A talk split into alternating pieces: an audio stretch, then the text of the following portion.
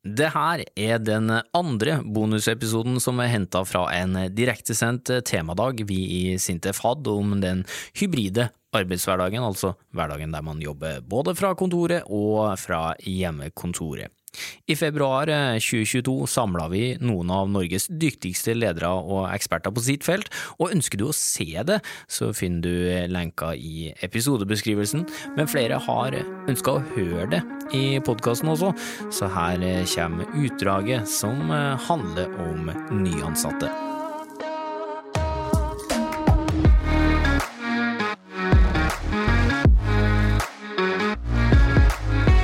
Hører podkasten Smart forklart med Aksel Faanes Persson. Hjertelig velkommen tilbake til deg som ser på. Nå skal det handle om nyansatte og hvordan vi kan onboarde dem på en best mulig måte i den hybride arbeidshverdagen. For om det var litt utfordrende å være ny fra før, ja, så ble det ikke så veldig mye enklere nå som mye av kontakten med resten av kollegaene skjer digitalt. Ei som har erfaring med det her, er Ingrid Norvald Vegdal, relativt nyansatt i Telenor, august 2020. Jeg vet ikke, Hvor lenge kan du kalle deg nyansatt? Nei, altså Jeg håper jeg kan leve på dette nyansattkortet så lenge som overhodet mulig. Så eh, jeg liker å være nyansatt, jeg. En ti-tolv år til? Ja, helst det. Det rapporteres da at du var en toppkandidat fra studiene. Du har eh, imponert i Telenor, sies det. Eh, sies fra sjefene dine, i hvert fall. Og det er jo kjempehyggelig, det, med skryt og ros og alt det der. Eh, men den oppstarten midt i en pandemi, den var ikke så enkel. Eh, Kan du ta oss med inn hvordan var det å være nyansatt?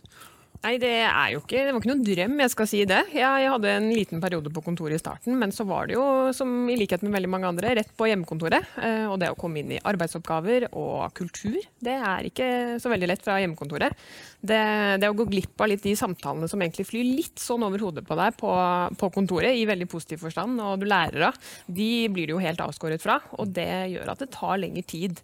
Og det er jo litt vanskeligere, eller det, er, det, krever litt mer å ta opp den telefonen og ringe, heller enn å bare snu seg rundt og spørre hva, hva er det, eller hva betyr det. Ja. Så det Ja, så Det er jo skummelt da, å være nyansatt i utgangspunktet. Ja. Uh, og så skal du prøve å imponere og alt det der, men, men fikk du noe kontakt med folk? Altså, hvordan Ja, man, til en viss grad, men det er jo, det er jo mye vanskeligere. Eh, Det å gjøre det over Teams, og du, det er vanskeligere å se bare reaksjoner. Det å, den smalltalken før og etter i møter, den er jo helt avskåret, den òg.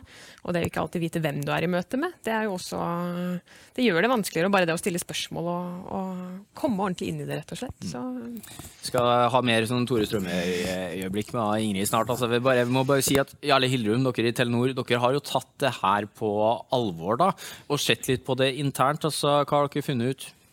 Eh, nå har vi jo sett litt på Ingrid og fått høre hennes erfaringer.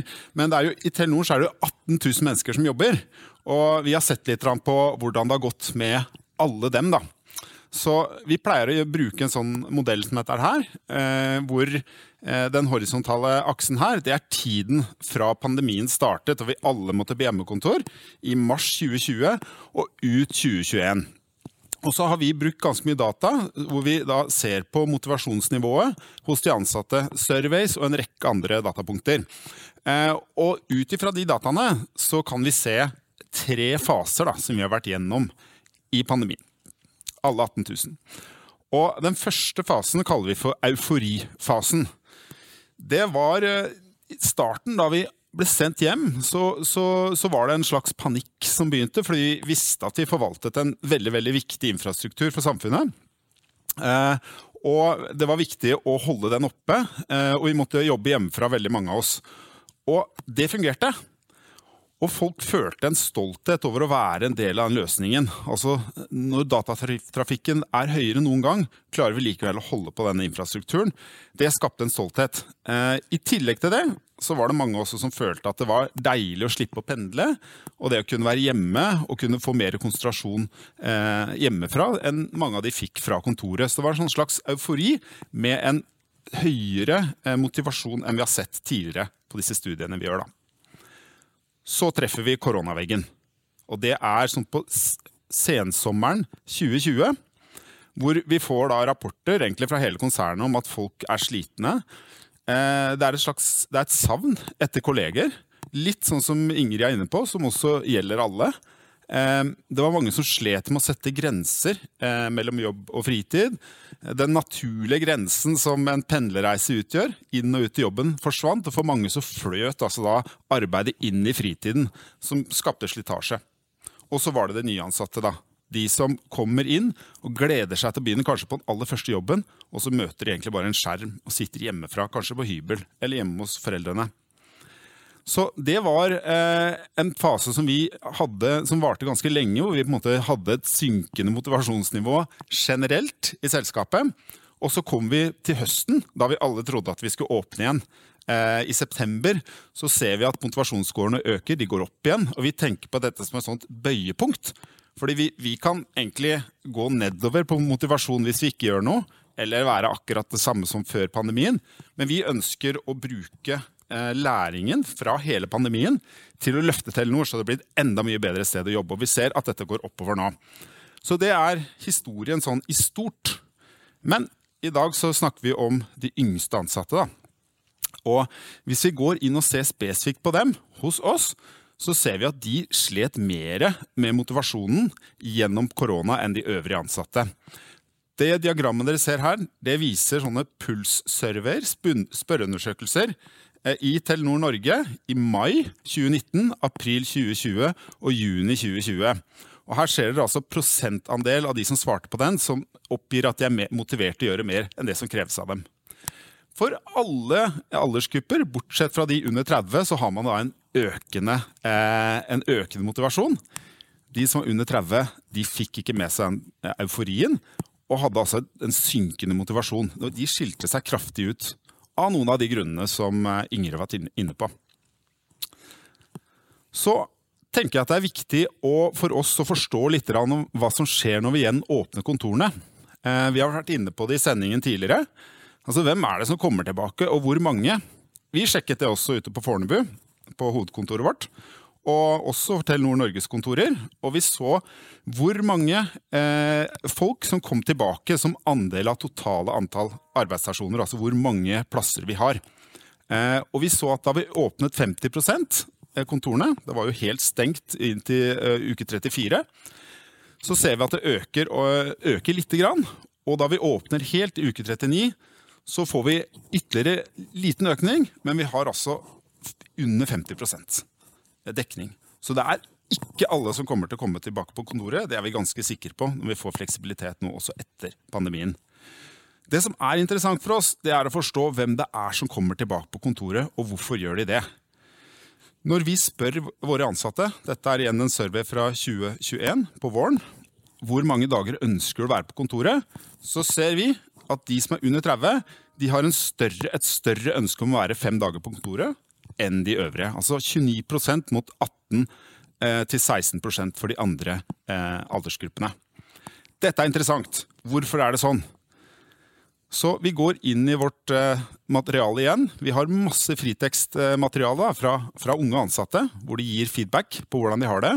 Vi ser fire grunner til at de ønsker å være mer på kontoret enn de øvrige. Det første er å øke sin egen produktivitet. Mange av de har ikke hjem som er godt egnet til å jobbe fra. Så for dem så er det viktig å kunne være på kontoret for å kunne få gjort jobben og være produktive. Så har vi det som eh, Ingrid var inne på. Det å møte kollegaer og mentorer og bygge et nettverk og en plattform sånn at de kan komme seg videre i karrieren, og et sosialt miljø som de ikke har når de er nyansatte så er det det å lære om kulturen og det stammespråket som Ingrid også snakka om. Det å forstå begrepene.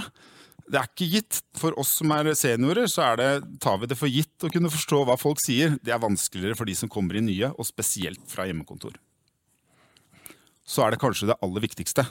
Og det å være synlig for lederen. For en nyansatt så er det jo helt naturlig det å søke eh, synlighet. At noen ser hva du gjør, sånn at du kan føle deg trygg i jobben. Det er vanskelig, det. Over Teams det er disse små blikkene, tommel opp eller små anerkjennende blikk, er utrolig viktig. Og Det er også noe som de ønsker å være på kontoret for å få. Så det er eh, opplevelsen som denne gruppen har. Så er det bare veldig kort. Hva er det vi egentlig har lært av dette i Telenor? Vi har lært at det er noe vi skal fortsette med. Vi ser at dette med tett og personlig oppfølging fra leder til ansatt, som ikke handler om overvåkning av arbeid, men som handler om å sjekke hvordan det går med folk, er fryktelig viktig. både fysisk og online, det får vi veldig god tilbakemelding på fra de ansatte. Og det å anerkjenne gjennomført arbeid, uansett hvor lite. Og så ser vi det at å gi tillit, eh, kombinert med tydelige mål, som vi jobber veldig mye med hos oss, det fungerer godt i en sånn setting hvor mange jobber hjemmefra. Og så er det veldig mye vi må bli flinkere på. Det er dette eksperimentelle som Nils Brede snakket om. Følge opp de sårbare gruppene. Spesielt de yngre og nyansatte vært inne på, men også de som er enslige. De som har jobben som sin eneste sosiale møteplass og viktigste plattform for å møte andre. De sliter hvis folk ikke kommer inn på kontorene, og vi må passe på dem. Og så er det de ansatte som sliter eh, og risikerer å jobbe for mye. Det finnes også en gruppe hos oss eh, som gjør det, og vi ser at de hører til visse eh, demografier hos oss. Folk som jobber innenfor teknologi, finans, juss f.eks. Eh, virker som er utsatt for å jobbe for mye i større grad enn andre ansatte. De må vi også passe på.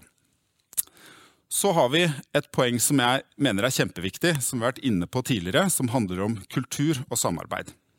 Fordi hvis det blir sånn at eh, vi får en gruppe ansatte som møter på kontorene, som ikke, eh, som ikke er tilfeldig, hvor det er flere unge mennesker som kommer inn på kontorene enn de etablerte, mer etablerte ansatte.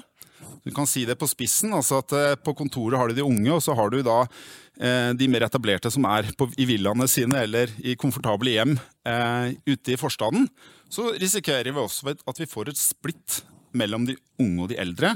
Og vi sliter med den erfaringsoverføringen som skal skje, da. Som, som er måten vi klarer å opprettholde kulturen vår videre på. Å kunne knytte bånd på tvers der blir fryktelig viktig. Glimrende, Jarle. Og så tenker jeg du kan få komme og sette deg ned ved bordet sammen med oss eh, her. Og her har vi også fått uh, Tor Sporsem, en uh, glimrende forsker fra oss i Sintef. En lysende stjerne for framtida, vil jeg si. Det, uh, I årene som kommer, så kommer vi til å få høre mye fra deg, Tor. Men i det året som har vært nå, så har du reist liksom rundt til bedrifter for å se hvordan de har løst det her med onboarding i den digitale hverdagen. Nå har du hørt Ingrid sine erfaringer, du har hørt Jarle sine tall. Eh, hva tenker du? Um, Ingrid og Jarle viser oss jo at ting har endra seg. Men så ser vi også fra våre egne studier at det er en del ting som ikke har endra seg også. En del mer fundamentale ting i onboardingen. Noe vi har visst helt siden slutten av 70-tallet, er at det er egentlig to ting vi er redd for når vi er ny. Det ene det er om vi lykkes, om vi får til våre nye oppgaver. Og det andre det er om vi blir inkludert i gruppen vi skal inn i. Og så ser vi at De som på en måte greier å hanskes med dette, det er de som raskest forstår, oppgave, eh, forstår, rollen sin. Og det er også de som raskest blir trygg i sin nye jobb. Og så ser vi at strategiene for å komme dit, de har nok endra seg de siste to årene. Mm. Det kjenner jeg igjen i, den bekymringa, Ingrid. Absolutt. Ja. Det er det ingen tvil om. Hva er verst? Nei, De er egentlig like ille begge to. Det å ikke føle at du mestrer oppgaven er eh, kjempekjedelig, men det å ikke være en del, det å stå litt på utsiden, det er ikke noe god følelse, det heller. Altså, Tor, eh, det må jo være forskjell òg, da, på sånne som Ingrid, som da kommer ganske fersk fra studier. Og sånne som eh, ja, meg, for eksempel, som har skifta jobb i voksen alder mm. -hmm. og har en del erfaring fra arbeidslivet. Altså, hvordan utgjør de forskjellene og noen forskjeller i, i forskningsmaterialet ditt? da? Um, vi ser ganske tydelig at juniorer og seniorer har litt forskjellige strategier. Juniorer ikke sant? De har ikke så mye erfaring med oppgavene de skal gjøre. Så de er mest opptatt av hvordan skal denne oppgaven utføres. De må lære seg oppgavene. Og De blir da veldig avhengig av å kunne stille spørsmål. Spørre sine kolleger. ikke sant? Gjør det riktig nå? Prøve å tolke um, om de oppnår det de skal. Og så er de avhengig av å få tilbakemeldinger. Men når vi skal være digitalt, og du må begynne å stille en, disse, en, del av disse spørsmålene digitalt, så ser vi at det blir litt vanskeligere. Mange er jo allerede redd for å stille dumme spørsmål. Også når du må gjøre det kanskje i en chat eller i en Slack-kanal, hvor dette dumme spørsmålet blir stående for alltid, så ser vi at de vegrer seg, og de bruker lang tid på å formulere spørsmålene sine. Og I tillegg så skjønner juniorer at det er ganske mye her jeg ikke vet. Jeg bare vet ikke hva det er. Det kan de plukke opp da i samtaler med kolleger, og så kan de f.eks. si du, i forrige uke da snakka vi om det her på torsdag. Men jeg skjønte ikke helt hva var egentlig det. Og prøv å formulere det ut i tekst i en chat. Det er utrolig vanskelig. Så de, de, brenner inne med en del av disse spørsmålene hvor de trenger tolkningshjelp av kollegene sine. Mm. Mens seniorer de um, er egentlig ute etter helt andre ting når de spør. Seniorene de har jo erfaring, så de skjønner mye hvordan de skal gjøre oppgavene sine. Men de er ute etter å raskt forstå de uskrevne reglene, normene liksom, i teamet. Um, og deres strategi har ofte vært å finne andre seniorer. Og en, når vi var på kontoret, så hang, hang de ofte igjen i liksom, møterommene etter møtene var over. Og da, brukte liksom fem minutter der og spurte de kollegene sine hvordan forsto du egentlig hva kunden snakket om her. Hva er, hva er, det egentlig du liker å jobbe med? Åssen liker du egentlig å jobbe? Og på den måten da, så fikk de en forståelse av normene og hvordan de kunne passe inn. Men plutselig så forsvant jo disse møterommene. Det er ikke så lett å henge igjen etter et virtuelt møte. Men det vi ser da, at de flinkeste seniorene de har greid å ta dette inn. Så De første fem minuttene i et møte så bruker man ofte å si liksom, ok, la oss snakke litt fjas først. da. Men de, de har en strategi der. De stiller de samme spørsmålene. Da kan man spørre ja, før vi starter møtet, bare lurer på, hvordan, går det egentlig med dere? For, de oppgavene vi begynte på i forrige uke, hvordan går det? Og, og, de får inn de samme spørsmålene der, lurer det inn.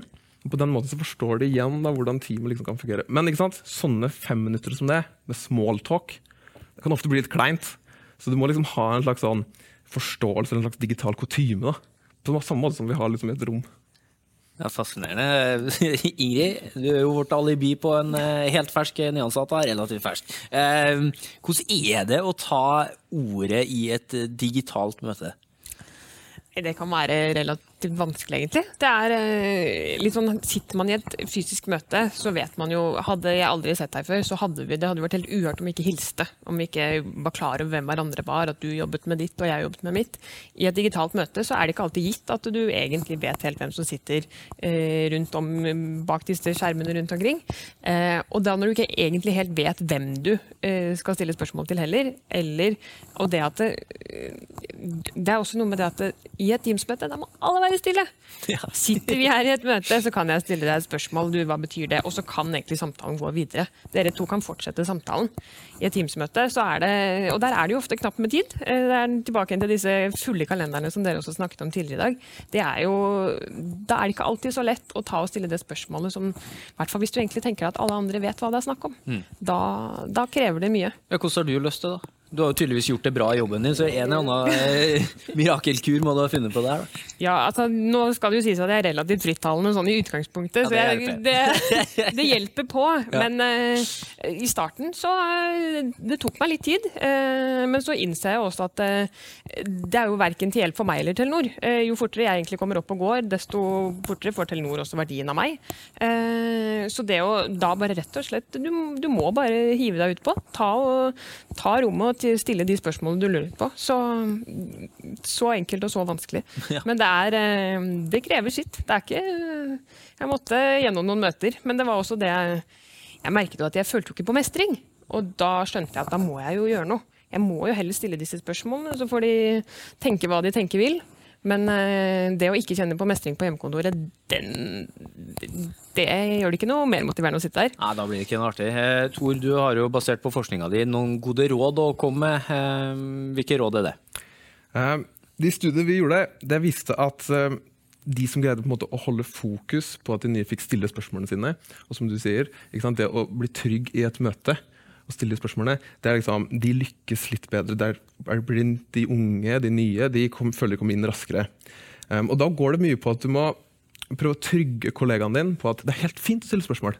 Det finnes ingen dumme spørsmål. Det høres ut som en klisjé, men det hjelper faktisk. Og, og spør om de har fått tilbakemelding. Hvis du lurer på om din nye kollega har fått mulighet til å stille spørsmålene, så kan du bare spørre dem. Er det egentlig noe du lurer på? Har du følt at du har fått spurt om det du, du trenger hjelp til nå? Har du fått tilbakemeldingen? Så Det er det ene. Um, det andre det er at vi må prøve å være veldig mye fysisk sammen i starten når det kommer en ny inn på teamet. Og det her har vi egentlig visst fra forskning på desentraliserte prosjekter fra tidlig på 2000-tallet. Det er De beste prosjektene det er de som greier å møtes masse i starten fysisk. Da er de sammen, de bygger relasjoner, de lager normene. Og så er det lett for dem å være mer og mer virtuell og sitte på hver sin kant etterpå. Og Det samme gjelder på onboarding. Få de nye inn, så de skjønner reglene og normene i teamet.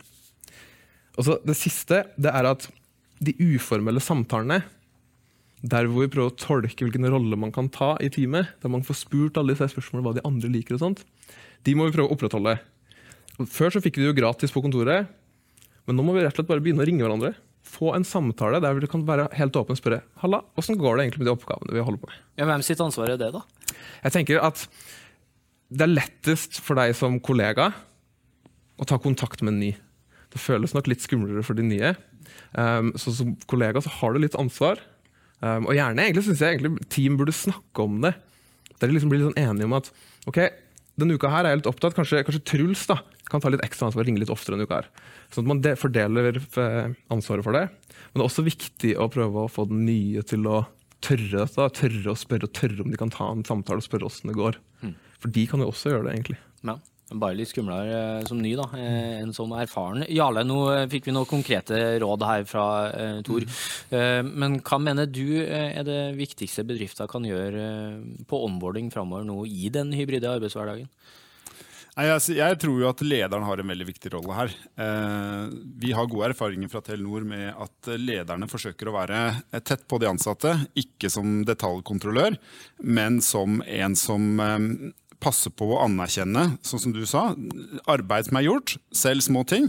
For, for, fordi, fordi det vil være også nå fremover mindre tid på kontoret, og veldig mye av den kommunikasjonen som er fryktelig vanskelig å få til eh, online, eh, den kommunikasjonen må man være veldig flink på å gjøre når man er på kontoret. Så lederen har en veldig viktig rolle, og de må, være, de, de må ha en tydelig intensjon når de kommer inn, om at når vi er på kontoret, så bruker vi den tiden så godt som mulig til disse tingene. Det- Så jeg mener at det, det er en fryktelig viktig del av det. Det har jo gått bra, Ingrid. Det har det. Du, du koser deg på jobb nå. Jeg gjør det. Men Hva var din sånn lifesaver, lille lifehack, hack, da det røyna på som verst, da, med, med dårlige følelser som nyansatt? Nei, det Jeg har vært eh, Vi var eh, Jeg startet med noen venninner. Jeg var, kom inn i Telenor-systemet først som eh, sommerstudent, og startet samtidig som to andre. Det har vært til veldig, veldig stor hjelp. Men så har jeg jo etter hvert også blitt kjent med andre kollegaer. Og jeg har hatt spesielt én på mitt team som har vært veldig, veldig flink til å strekke ut den hånden, ringe meg, foreslå turer. Vi har gått mye turer bare for å snakke både om jobb og fag, men også litt andre ting for å bli litt kjent utover. Og det har vært veldig, veldig viktig. Du tok med deg de nevnte nyoppstarta venninnene på hyttetur, gjorde du ikke det? Jo da, hyttekontor? Ja, Hyttekontor ved flere anledninger, og det har vært eh, Så det er jo ikke bare ulemper med ny hybridhverdag eller ny hybridarbeidshverdag. Det, det er det ikke noe tvil om. Så det å kunne ta og sitte på fjellet og så ta en skitur i lunsjen, det er jo noe jeg setter pris på, i hvert fall. Jeg lurer på om vi har et bilde av det. Mulig det dukker opp på skjermen hos dere der hjemme, men eh, Jarle, så, som du ville legge til noe der? Ja, bare en replikk på det, ja, det er det at eh, jeg tror vi også skal være litt forsiktige med å liksom stakkarsliggjøre nyansatte, unge, nyutdanna folk. De kommer inn med en masse ressurser. Det jeg tror er veldig bra, det er jo å prøve å legge til rette for at de også kan bygge sine på en måte sterke bånd. Og nesten som en sånn slags nyansatt uh, organisering. Fordi de vil jo kunne løfte de behovene de har, som er de reelle behovene, også opp. Og det ser vi at dere faktisk også gjør. Og kommer med konstruktive forslag til hvordan de mener at det, eh, de lettere kan kunne komme inn i, inn i jobben i den settingen vi er i nå. Så det, det syns jeg er også veldig viktig å ta med. Da. Ja, for det, det er jo litt eh, Det er som du sier, Ale. Vi skal ikke, det er jo kompetente folk som er henta inn. De har fått jobben av en grunn. Eh, og så er det litt vanskelig å være nyansatt, men hvis du stakkarsliggjør dem, så blir det kanskje enda verre. Ja. Eh, og, og vet ikke jeg, Tor, hvor mye ansvar har du egentlig sjøl som nyansatt på å løse litt av den floka som kanskje har blitt litt verre da, som i den digitale hverdagen? Altså, du har jo en del ansvar selv, men litt som du var inne på, så er det å komme inn i et fellesskap med andre som er ny, det viser forskningen at det blir det første steg til tilhørighet, det første tilhørighetsfølelsen man ofte har til sin nye bedrift. Så det å, å sette det nye sammen, det kan ofte være lurt. Um, og litt som du også var inne på, de nye kommer jo med en kompetanse og ideer og kanskje andre måter å jobbe på, som man jo er en berikelse. Og der ser vi også i forskningen at de som blir trygge tidlig, og forstår hvilken rolle de kan ta, det er også de som tør å ta med seg sine gamle praksiser, som tør å ta med seg den, den forskjellige måten å jobbe på. Mens de som er usikre, de som ikke har fått den tilhørigheten tidlig, de er mye mer overvåken på hva er det egentlig som forventes av meg, hvilken rolle mener kollegene mine jeg skal ta. Så legger de fra seg litt det de har med seg, og så prøver de heller å adoptere. Så det, det er et veldig godt eksempel på at uh, å møte andre som er ny, det kan skape den tryggheten ganske tidlig. raskt. Hvor, hvor viktig er det å høre på det som blir sagt av den nye gruppa, da? Fra den bedriften som de er ansatt i nå? Um, har, det er en liten historie fra, det, eh, fra forskningen vi gjorde. Der det var ei ny ei som, um, som kom inn i et møte, og hun følte liksom at det hun, det hun skulle si, det var så selvsagt. Men hun hadde en mening, um, og så var det noen som hadde sagt du må tørre. Du må tørre. Prøv, da. Prøv, det går helt sikkert bra. Og så kom hun med meningen sin, som hun syntes var liksom så selvfølgelig. Mens hele det teamet var liksom Det har vi glemt! Herregud! Dette her er jo selvfølgelig så bra, og hun ble jo så bygd opp. Og når hun skulle til kundemøte, da, turte hun søren meg å gjøre det en gang til. ikke sant? Hun kjørte på, for hun hadde fått så mye god tilbakemelding. Så jeg tror det er ganske viktig. Ja, ja det, jeg tenker den tredje gruppen, da, for nå har vi snakket om de nyansatte og lederne. Men, men det er også de erfarne eh, ansatte. Og, og du kan, altså Dette vil variere rundt omkring, men i Telenor har vi jo sett at det har vært en sterkere tendens til de som har vært litt lenger eh, i jobben. At de har en, også en større komfort på hjemmekontoret. da. Og jeg tenker at det er viktig å, liksom, å ansvarliggjøre dem. De må også komme inn og bidra til at de, de nyansatte kommer seg opp og frem. Eh, de har et ansvar faktisk for å, for å bidra der. Akkurat som de fikk hjelp da de ble ansatt og kom inn på kontoret hvor det var folk. Ikke sant? Så, sånn at det er et eller annet med den, den deilige komforten og det å slippe å pendle. Ja, det er digg. Men husk at det er også andre folk rundt deg som er avhengig av den kompetansen du har. Så jeg tror at vi også må jobbe med å ansvarliggjøre dem. Det er nydelige råd som bare hagler ut her. Jeg håper du som sitter hjemme sitter og noterer. Og så tror jeg vi skal få det siste rådet fra Ingrid her. Hva er ditt råd til alle avstandsledere som sitter ute der nå og vet at etter hvert nå så dukker det opp noen nyansatte? Vi har vært mye inne på det. Det er nok eh, Jeg satt faktisk og diskuterte med min kjæreste i morges over kaffekoppen eh, litt sånn hva vi skulle snakke om, og så gjenger han til slutt ut Ja, men det handler jo kun om å bli sett. Han har akkurat vært i samme posisjon. Og det er jo nettopp det vi har snakket om her nå, at kort oppsummert så er det det. Det er eh, å ta den ekstra telefonsamtalen og bare ringe, og høre hvordan går det. Eh, hvordan føler du at du løser oppgavene, og ikke minst få tilbakemeldinger. Det er kanskje noe av det viktigste for det å sitte der på det, i hvert fall hvis man sitter mye på hjemmekontor og ikke får ordentlige tilbakemeldinger og at du, du føler på mestring. I hvert fall for min del så er det mye å si. Men så er det jo også, som Jarle nevnte i sted, dette med i hvert fall Telenor, da. Det har et lite telenorsk, det språket, med en hel haug av forkortelser. Og det er så viktig å gi en god introduksjon til. Så det er eh, Det vil jeg si at det er noe av det viktigste. Ja, og det er vel ikke unikt bare for Telenor, det der interne språket. Men, men nydelige råd, Ingrid. Nydelige råd fra dere to og Jarle og Tor. Takk skal dere ha. Lykke til videre i Telenor-jobben, da. Eh, og takk til dere alle tre. Du har nå hørt et utdrag fra en direktesendt temadag som vi i Sintef arrangerte i februar 2022.